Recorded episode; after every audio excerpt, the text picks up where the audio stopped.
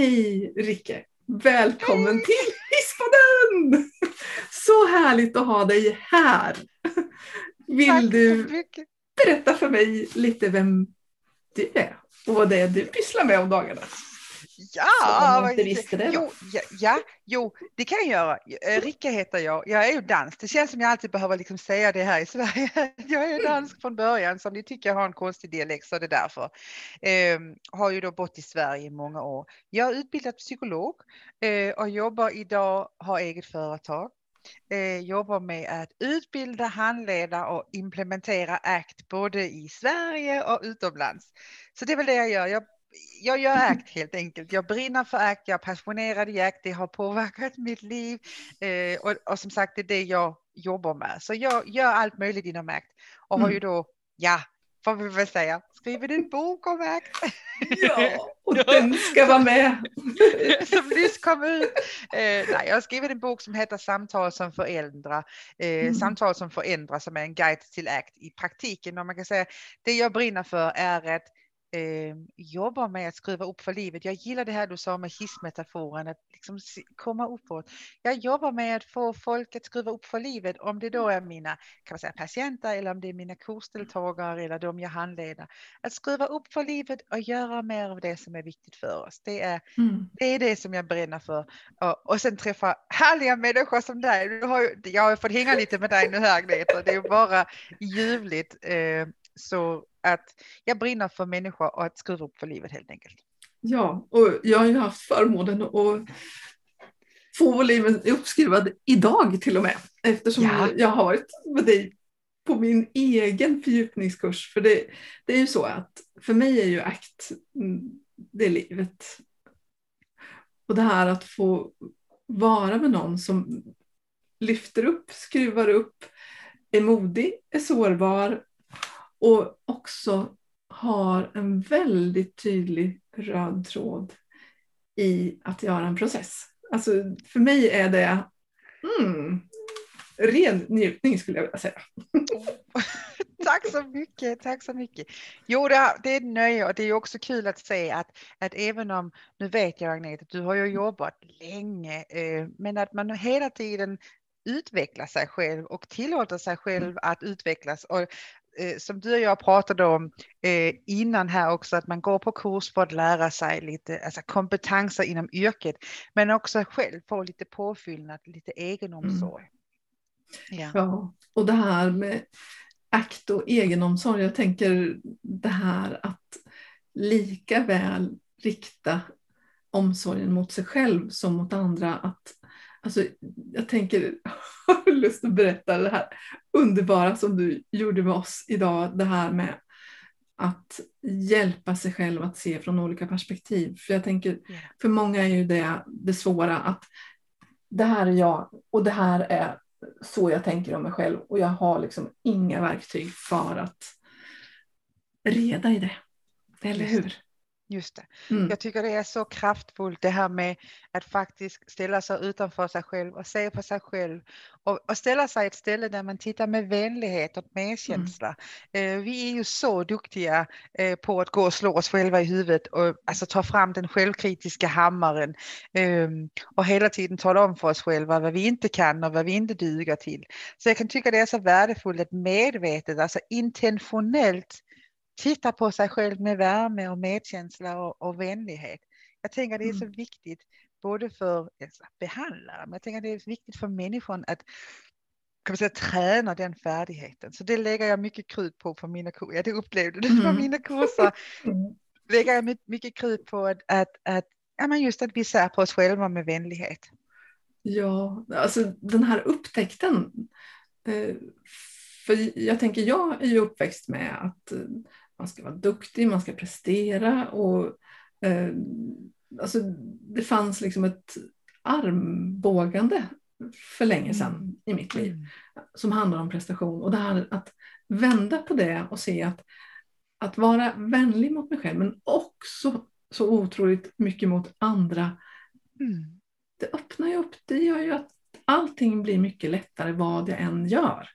Mm. För jag har inte den här hammaren som slår mig i sidan. Sen så dyker den ju upp och då behöver man ju också ha verktyg.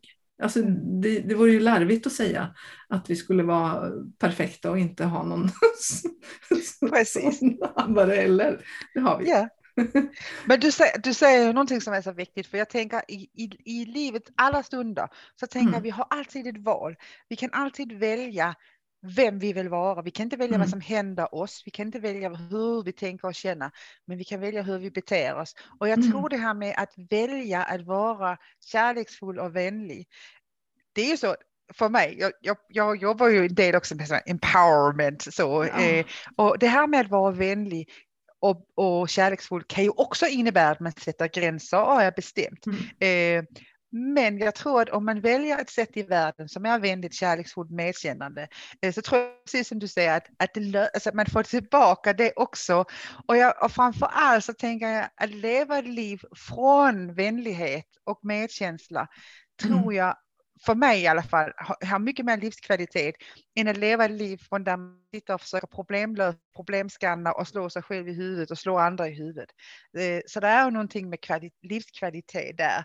Och det är ett mm. val vi har att välja vänlighet. Eller hur? Och det här, ja. alltså att välja vänligheten mot sig själv.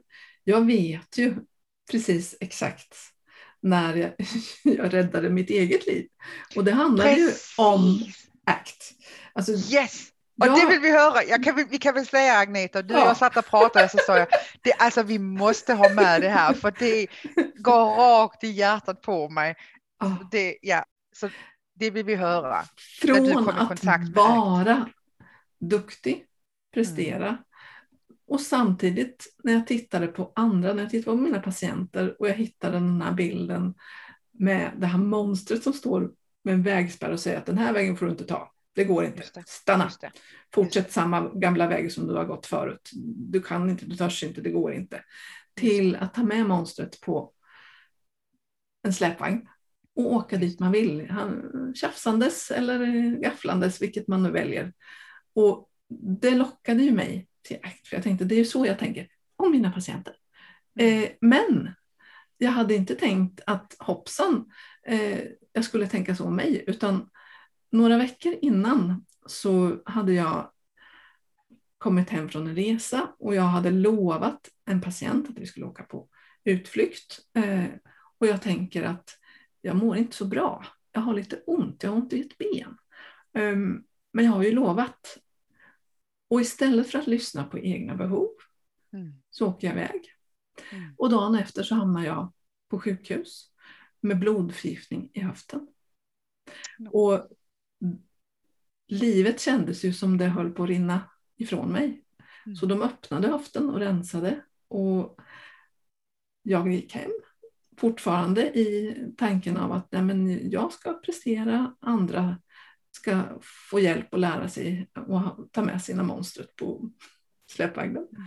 Jag åker till aktkursen med en krycka och jag liksom är där och efter några gånger så får vi en uppgift där vi ska välja livsriktning, vad som är riktigt, riktigt, riktigt viktigt. Och jag hittar ett kort med en grön groda. Så tänker jag, alltså jag är på en plats där jag gör saker som inte vill mig väl. Jag är nog lite annorlunda. Jag behöver agera som om jag är annorlunda. Och så fattade jag ett beslut om att hej, på måndag ska jag ta tjänstledigt för jag vill göra någonting helt annat. Som är att vara mig vara vänlig. Även mot mig själv. Och jag sa till min doktor att om du sjukskriver mig på 25 procent i fyra månader så behöver inte du sjukskriva mig mer i mitt liv sen. Och det har han inte behövt att göra heller. Mm. För det här att börja ta hand om mina behov. Och när jag blir extra trött eller när det här som faktiskt ligger och gror som kroniska sjukdomar bakom tar sig uttryck så behöver jag lyssna på det. Mm. Och det, alltså det här att öppna sig och säga att men jag är väl inte perfekt, men min vänlighet behöver riktas mot mig också. Yeah. Och det tänker jag att jag behöver påminna mig om varje dag. Och när jag ska gå en fortbildning som jag gjorde hos dig precis nu, tänker jag att det gör jag ju egentligen inte så mycket för någon annans skull, utan för min. Jag vill ladda på, jag vill tänka till, jag vill vara med människor som möter mig med respekt, med vänlighet. Jag vill också möta andra med vänlighet. Mm. Och hur tar det sig uttryck? Och det, det, är precis som du säger att det här handlar ju också om gränser, egna gränser, andras gränser. Det är inte gå omkring och vara snäll all the time utan det, det handlar ju om att vara vänlig och vänlig är en annan dimension än snäll. Precis. Mm. Precis. Jag brukar faktiskt säga det att, att jag, kan, jag, jag tror att idag är jag mycket mindre snäll än jag var mm. tidigare. Samtidigt är jag mycket mer kärleksfull. Alltså, ja. Så det är mycket fler gränser och samtidigt mm. mycket mer kärlek.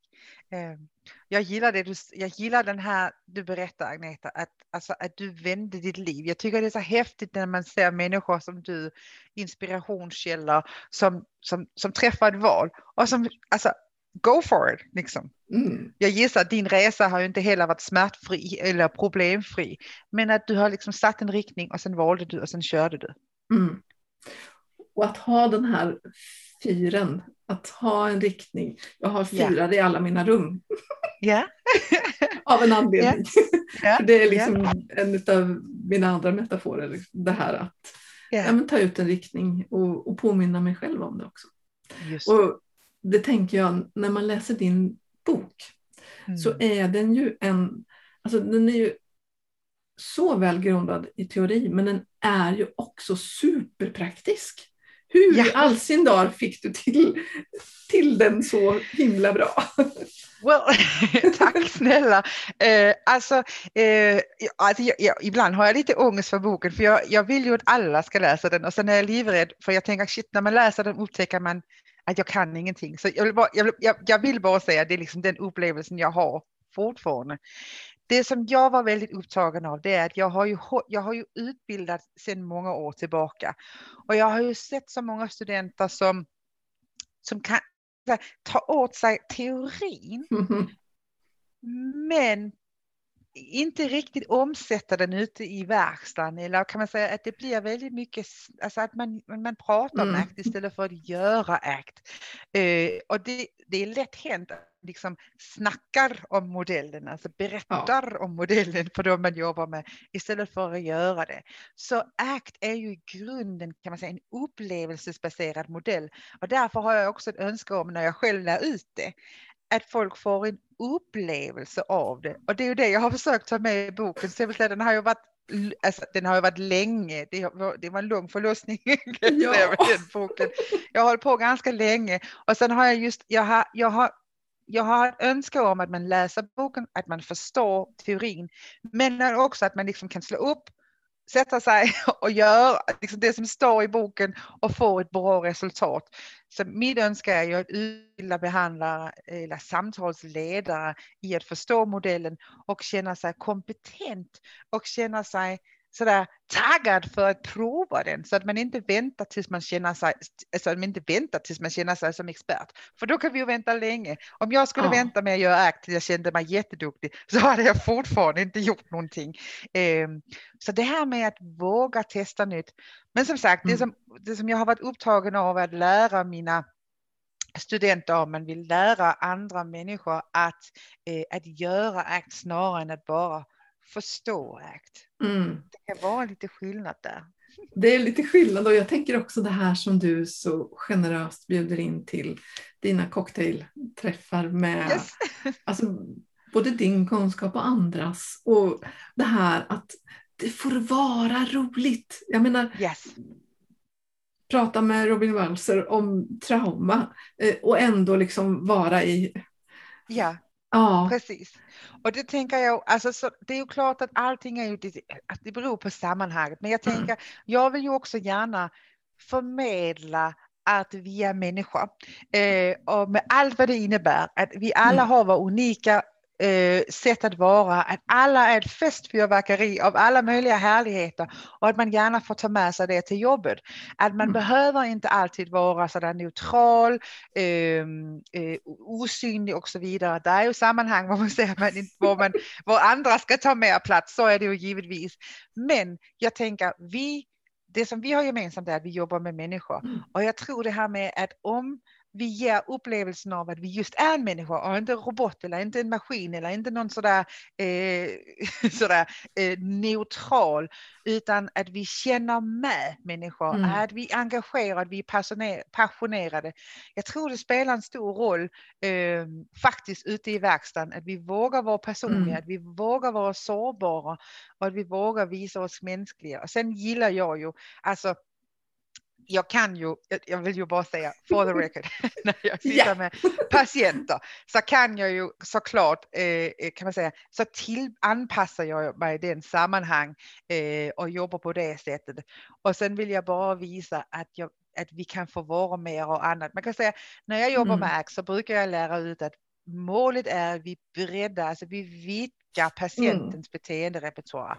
Att vi vill att folk ska göra mer, ett lite större livsutrymme.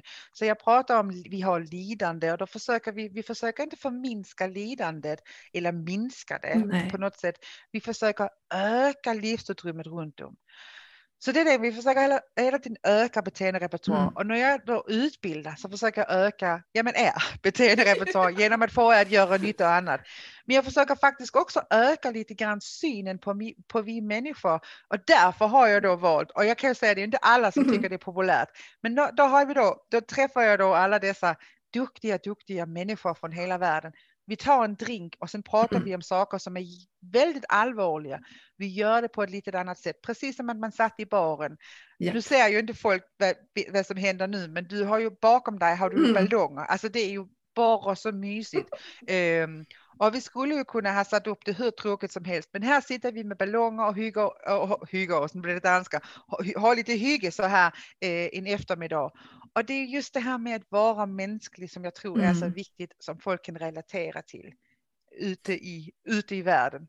Ja, och, och det här också, jag tänker med att skriva en bok, med att utbilda och utbilda så många människor och vara människa. För det, det här att det är helt okej, okay, tänker jag, att man är imponerad av någon annans kunskap, man tar del av den, men man får ju liksom aldrig glömma att den andra personen är en människa också.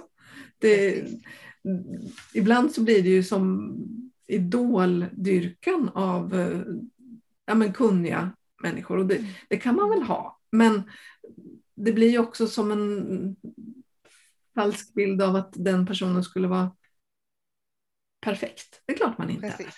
Nej, men precis. Och jag tror, jag tror det är värdefullt att um, nu, jag tänker från mitt perspektiv. Jag, är mm. liksom, jag, jag utbildar många, jag syns i många sammanhang sådär, inom, inom branschen mm. här. Ju. Och då tänker jag att jag har faktiskt gjort, jag har övervägt mycket men, var helt sådär, jag, jag la märke till i början när jag utbildade mycket, särskilt online, då var det mycket smink, det var mycket, alltså jag, jag, det var, allting var väldigt snyggt. Och så kom jag på när jag till exempel gör massa kurser sådär i empowerment för kvinnor, mm. då kom jag på också det frågan är om det är det som jag vill förmedla. Så jag vet inte, du är ju ingen som ser mig nu, men du ser det. Jag har ingen mm. smink, håret är nersläppt och så vidare och så vidare. Jag tänker mycket över också, vad är det jag önskar förmedla? Jag önskar att förmedla att vi är vi ser ut som vi ser ut. Vi är inte perfekta hela tiden. Jag gråter i mina föreläsningar, skrattar i mina föreläsningar. Innan idag när vi gjorde en övning så råkade jag stänga av. Ja, det såg ju du, jag råkade stänga rummen och det, alltså tekniken. Ja. Just det här att jag, alltså, att jag också är kanske lite medveten om ibland att, jag, att, att när man syns mycket så mm. tänker jag också att man har ett ansvar för att visa sig mänsklig, alltså, visa vänlighet och kärlek men också visa mm. sig mänsklig. Och det tror jag är något av det som, som, eh, som eller jag, jag, tror det är det som många, sätt, som många uppskattar, att någon vågar vara lite autentisk eh, och lite operfekt. För det är så vi är ju. Ja men visst, och så fort vi försöker tratta in oss i den här andra rollen som, som jag, jag, jag tror faktiskt inte att det är någon som passar i den. Det kanske finns någon som älskar att vara i den men jag har inte träffat jättemånga. Utan, och det skapar ju också en helt annan frånvaro. Man måste tänka på hur jag står, hur jag ser ut. Precis. Och oh, om läppstiftet har försvunnit som jag inte ens har. Precis. Precis. Alltså det kan, ju lätt, det kan ju bli ett fulltidsjobb att skulle mm. vara så himla perfekt. Och, och, och det, alltså jag vill ju hellre att man har ett fulltidsjobb kring att bygga det liv som är viktigt. Jag vill hellre lägga tid på mm. att eh, du vet, engagera mig i mina barn, att hänga ut med dig, mm. att gosa med min hundvalp. Sen är det ju också så om man tycker det är viktigt med smink, det är också sådär, alltså Ja, ja. Vad, som, vad, vad, man än brinner för, det mm. är rätt sak. Och där, var, där jag agerar, det är ju när jag ser folk leva ett liv där man måste vara på mm. ett visst sätt. Så jag vill att man väljer det. det här ja. känns viktigt. Eh, så att de valen man träffar, valen man gör är gjorda utifrån vad som är viktigt för mig och mm. inte vad som är viktigt för andra eller hur jag måste vara. Nej, och jag älskar din film från konferensen Common Faith. Yeah. Det, yeah.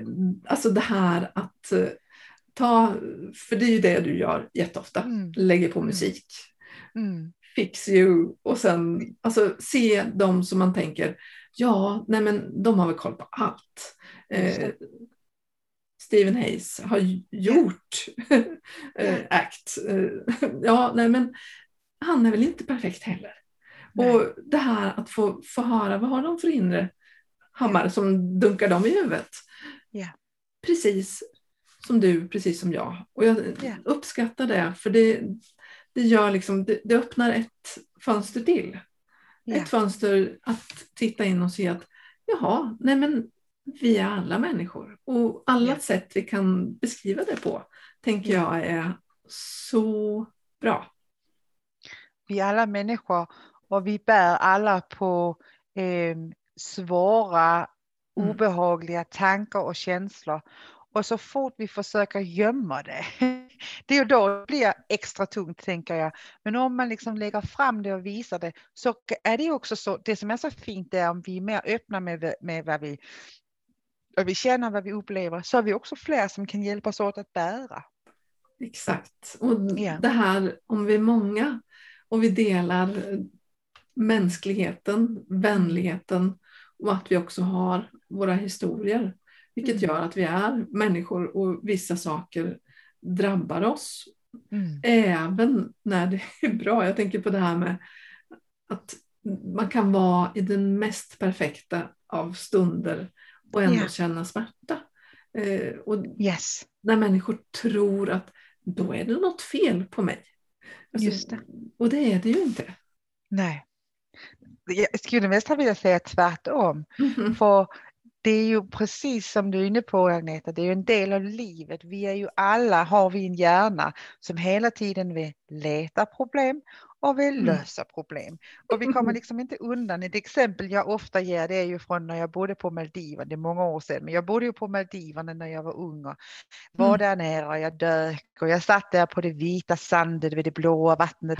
Om du tittade på mig så hade du tänkt, åh men gud vilket liv hon har där. Hon sådär, mm. hon, var jag 19 eller 20? Ah, hon bor på, jag bodde på Maldiverna ett helt år, liksom Bountyland. Och jag minns hur jag sitter på den här stranden och tänker så här, om bara min mormor kunde få se mig nu och då blir jag ledsen. Mm. Och jag, jag var, det har bara följt mig genom livet det här hur otroligt det är att vi kan sitta i en sammanhang som är så fantastisk på mm. ena sidan och vara i full kontakt med lidande. Och det, är en av de, det var faktiskt en av de anledningarna till också jag, jag liksom kom in i branschen med psykologi och sökte mig till ACT och det, där hittade jag liksom någonting som klickade för mig.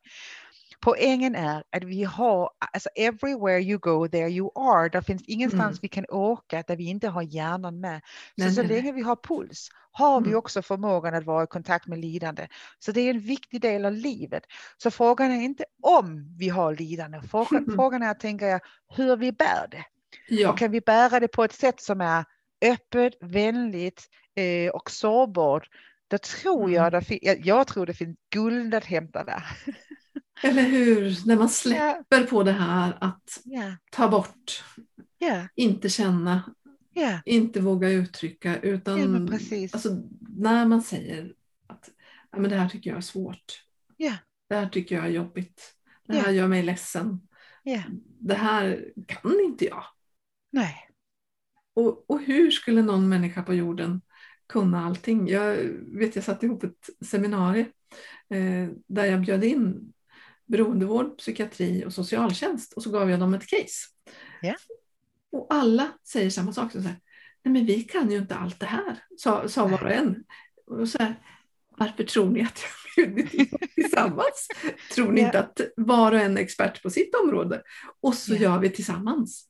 Yeah. Det är ju på något sätt en sån här kärnfråga för mig att det vi gör, gör vi tillsammans. Om det är någonting som jag inte vet så låtsas jag inte utan då frågar jag. Om det är något som någon kan bättre än jag Mm. Då är det den personen jag vill lyssna på. Det är därför jag var hos dig idag. För jag tänker, det inspirerar, det fyller på. Det är också det här att få, få vila i att här, jag är här för mig. Jag mm. är här för att vara och mm. fördjupa mig och reflektera. Och skulle det vara ett helt annat område så skulle jag ju bara vara där för att eh, inhämta kunskap. Det. Och det är ingen prestige i det. Nej. Nej. Så just det här med att erkänna att vi inte kan allt och vi ska inte kunna allt. Eh, och att det är okej okay att fråga och det är okej okay att be om hjälp och det är okej okay att, att, eh, att, att, säga det här kan jag och det här kan inte jag så att vi får hjälpas åt. Det tycker jag är så fint alltså när vi, när vi faktiskt, när vi, alltså ja jag tänker på så jag vet inte hur det ser ut för dig Agneta, jag har mm. själv varit och är det ibland fortfarande, hur kast som helst på att be om hjälp. Ja. Alltså, jag, Eller hur? Jag, jag för, jag för, alltså, åtta timmar om dagen pratar jag med andra om be om hjälp och det är okej okay och så vidare.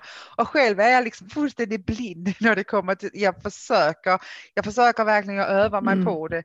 Poängen är liksom om, om även en sån som mig som pratar om det, jag har liksom, det här är ja. inte kunskapsbrist, jag kan mm. allt om att be om hjälp. Men och samtidigt är det så svårt. Och jag tror det är så mänskligt att vi har, mm. att vi sätter upp den här fasaden att vi ska vara perfekta eller vi ska vara duktiga, vi ska vara kunniga, kompetenta. Och det är alltså en tung börda att bära. Kan jag ja, ja, onödigt ja. tung. Och, det här, ja. och om man på något sätt kunde använda det här i en riktning, alltså att mm. tänka att mm. Be om hjälp. Det gör ju livet lättare. Ja. Det är, om man tänker att man ska bära någonting ja. så, så bär jag det ensam istället för att säga ja. kan du ta i andra änden här så blir det lite lättare. Och det är ju samma sak med kunskap att om någon annan ja. har något som jag inte vet så behöver jag inte leta igenom allting utan jag kan Nej. fråga. Och slippa känna sig dum för det här är ju alltså, när jag frågar dig om någonting som du vet mycket mer om än vad jag gör, så mm. får ju jag det som en present. Mm. Alltså att tänka att, mm. och, och, du får ge bort en present. Mm. Precis. Ja. Precis. Och jag kan dessutom tycka att din gåva, alltså inte bara för att jag, jag, jag får, inte bara, om du frågar mig någonting mm. så får jag ge bort någonting, men det är också en gåva när folk frågar. Mm. Alltså tänk vilken eh, Alltså jag, tänker, jag, är ju, jag är mycket intresserad av relationer, alltså det som händer mellan människor, mm. både i mitt yrke men också jag, väl, jag är ju bara jätteintresserad av människor och liksom vill gärna connecta med folk eh, i hela världen på alla sätt oavsett mm. vilken relation vi vill ha så är jag ganska upptagen av att connecta. Och jag kan tänka att det som händer det är ju att när man ber om hjälp, det kan känna, man känner sig ju det är ju inte, du ska inte säga vad man gör, men jag hör Nej. många, inklusive mig själv, man känner sig mm. som en börda, man känner sig fel, man känner sig allt möjligt. Och sen har jag upptäckt att när jag faktiskt, när jag ber andra om hjälp, så upplever de ofta att det är en gåva. Att, att få hjälpa. Mm. Um, så jag, jag, tänker att, att eh, att det är faktiskt också att ge andra en gåva ibland att be om hjälp. Sen är det ju så att jag har ju blivit ganska uppmärksam på att faktiskt eh, här hem, i mitt hem, jag har två tonårspojkar mm. och sen kom jag mm. på själv att jag har varit, alltså jag är typen som säger till andra att man ska be om hjälp, men jag gör det sällan själv. Mm. Eh, så det är faktiskt någonting som jag har börjat vara uppmärksam på här hemma, det inte bara tala om för mina Nej. barn att de ska be om hjälp, men att visa hur man gör och ja. att vara kan man säga rollmodell och mm. faktiskt mm. själv göra det.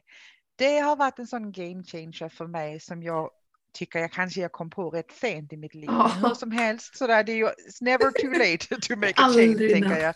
Nej. Men det är rätt fantastiskt och när jag då mm. tittar på mina pojkar bara nu de senaste åren, hur jag ser dem allt oftare ber om mm. hjälp och det tror jag är för att det är någonting, precis som jag lär dem att ja, men, du vet, borsta tänderna och tacka för maten och så, ja. så, så jobbar vi också med att be om hjälp och att visa. Precis. Och jag det... tror det är fantastiska färdigheter att kunna. Ja, och att också kunna använda den expertis som yeah. barn har. Jag menar, yeah. de har ju sina specialområden och Precis. kunna be dem om hjälp i det. Jag har ett sånt helt underbart exempel när jag förstod att eh, det var dags att sluta prestera och be eh, mina barn om hjälp. Vi hade fått mm. en plastjulgran som var uppdelad i, från A till F i små grenar man skulle sätta på en pinne så skulle det bli en gran. Och jag är helt värdelös på sånt.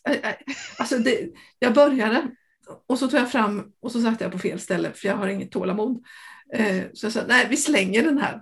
Och de bara säger, mamma, sätt dig ner, vi gör det. Mm.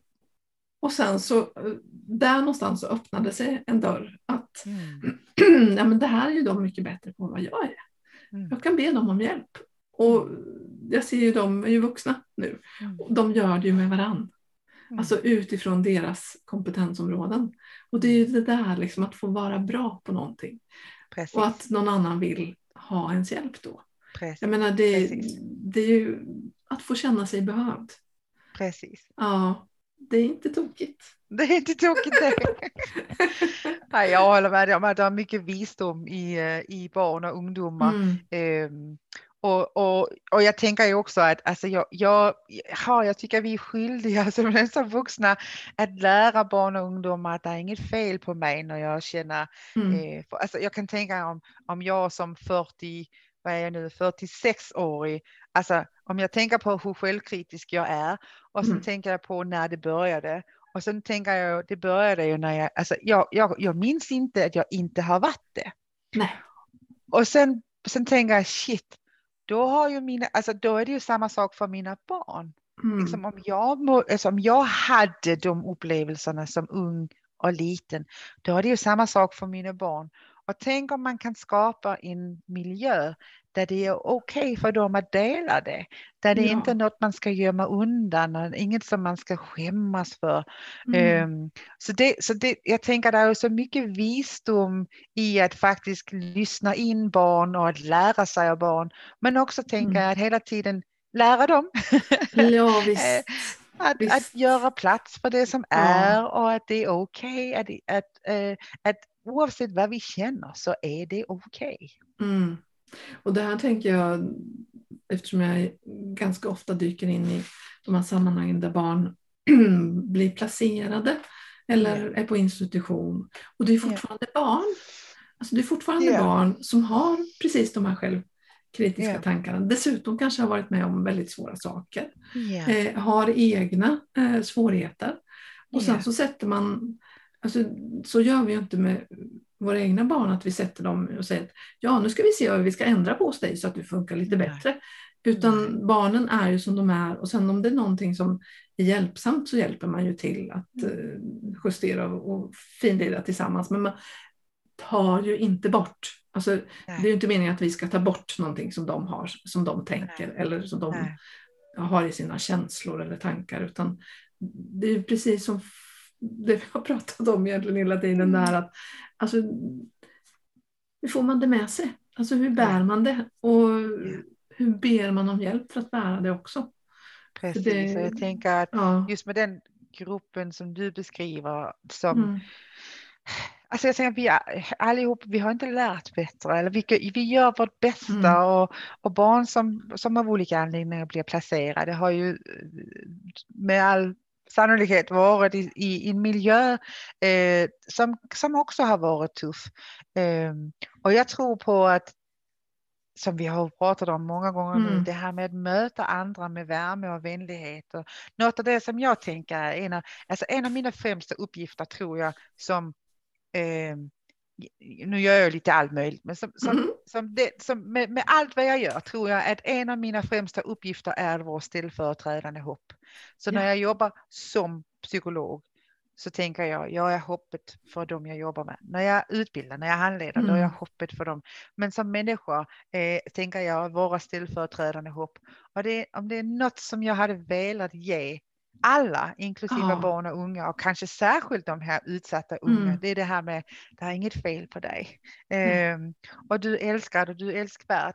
Eh, och mm. du kan välja hur, är, oavsett hur andra har varit mot dig så mm. kan vi alltid välja hur vi beter oss i världen. Eller hur? Föreställa en värld mm. vi kunde ha om vi allihopa valde kärlek och vänlighet. Ja, alltså ja. det här att tänka istället för att gå på den misstänksamma sidan. Mm. Eller försöka lösa saker, försöka kontrollera det som inte går att kontrollera. Jag tänker, när man går in i kärleksfullhet och vänlighet mm så, så blir det ju bredare, det blir mer öppet. Eh, jag tänker på den här bilden som vi kikar på tillsammans idag när man kliver in eh, vid ett smörgåsbord och det är mm. fullt uppdukat med massa härliga maträtter och så ser man yeah. bara en tallrik gröt för man är så galet smal, stressad, yeah. rädd, osäker. Yeah. Och det, om vi kan både vara ställföreträdande och men också dela med oss av kärleksfullhet och vänlighet mm. Och, mm. och tänka att ja, men hur kan jag göra gott för dig? Mm. Inte mm, du behöver fixas utan hur kan jag göra gott för dig? Precis. Så blir det lättare för att reglera sig själv också om man mm. känner att man är okej okay, mm. som man är kan man säga att samtidigt så kommer det ju också med ett pris när jag liksom tänker mm. över eh, det här med att, att, vara kärleksfull och att eh, visa sig sårbar. Det gör ju också ont. Mm. Oh, ja. eh, så det är en rik möjlighet att bli avvisad, bli mm. förlöjligad.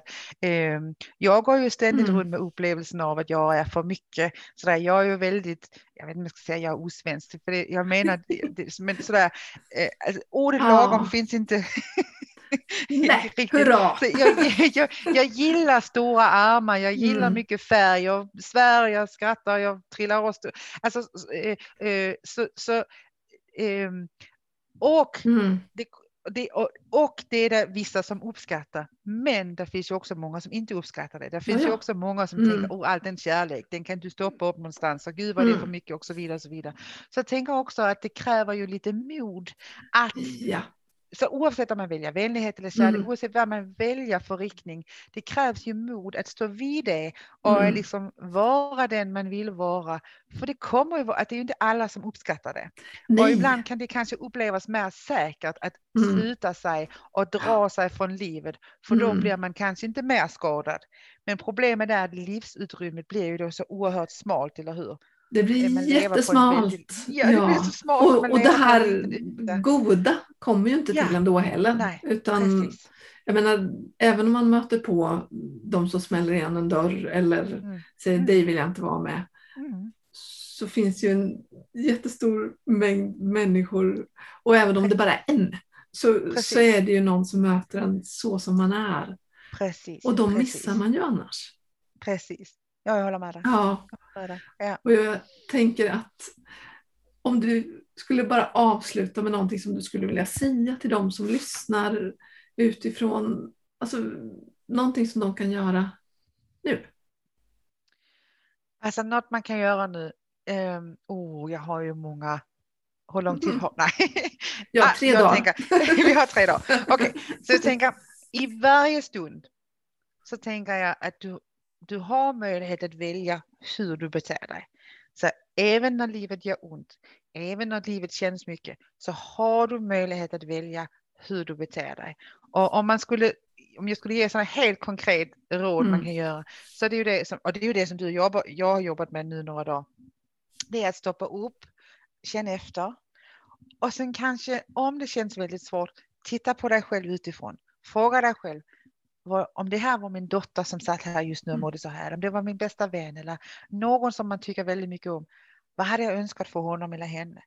För saken mm. är den, vi är, vi är så benägna att vara super självkritiska och ibland kan vi behöva kliva utanför oss själva och titta på oss själva som om vi mm. vore någon annan för att komma åt här vänligheten och kärleken.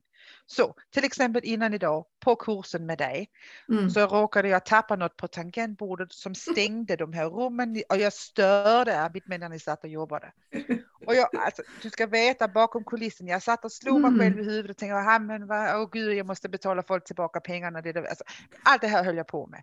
Och då tänkte jag, okej, okay, men om Oliver satt här nu, mm. tog jag ett av mina barn, om han satt där Eh, så för det första hade jag kanske till och med, jag hade kanske skrattat lite, men jag har också ja. tänkt, ja, okej, okay, han tappade någonting, han sa det som det var, eh, mm.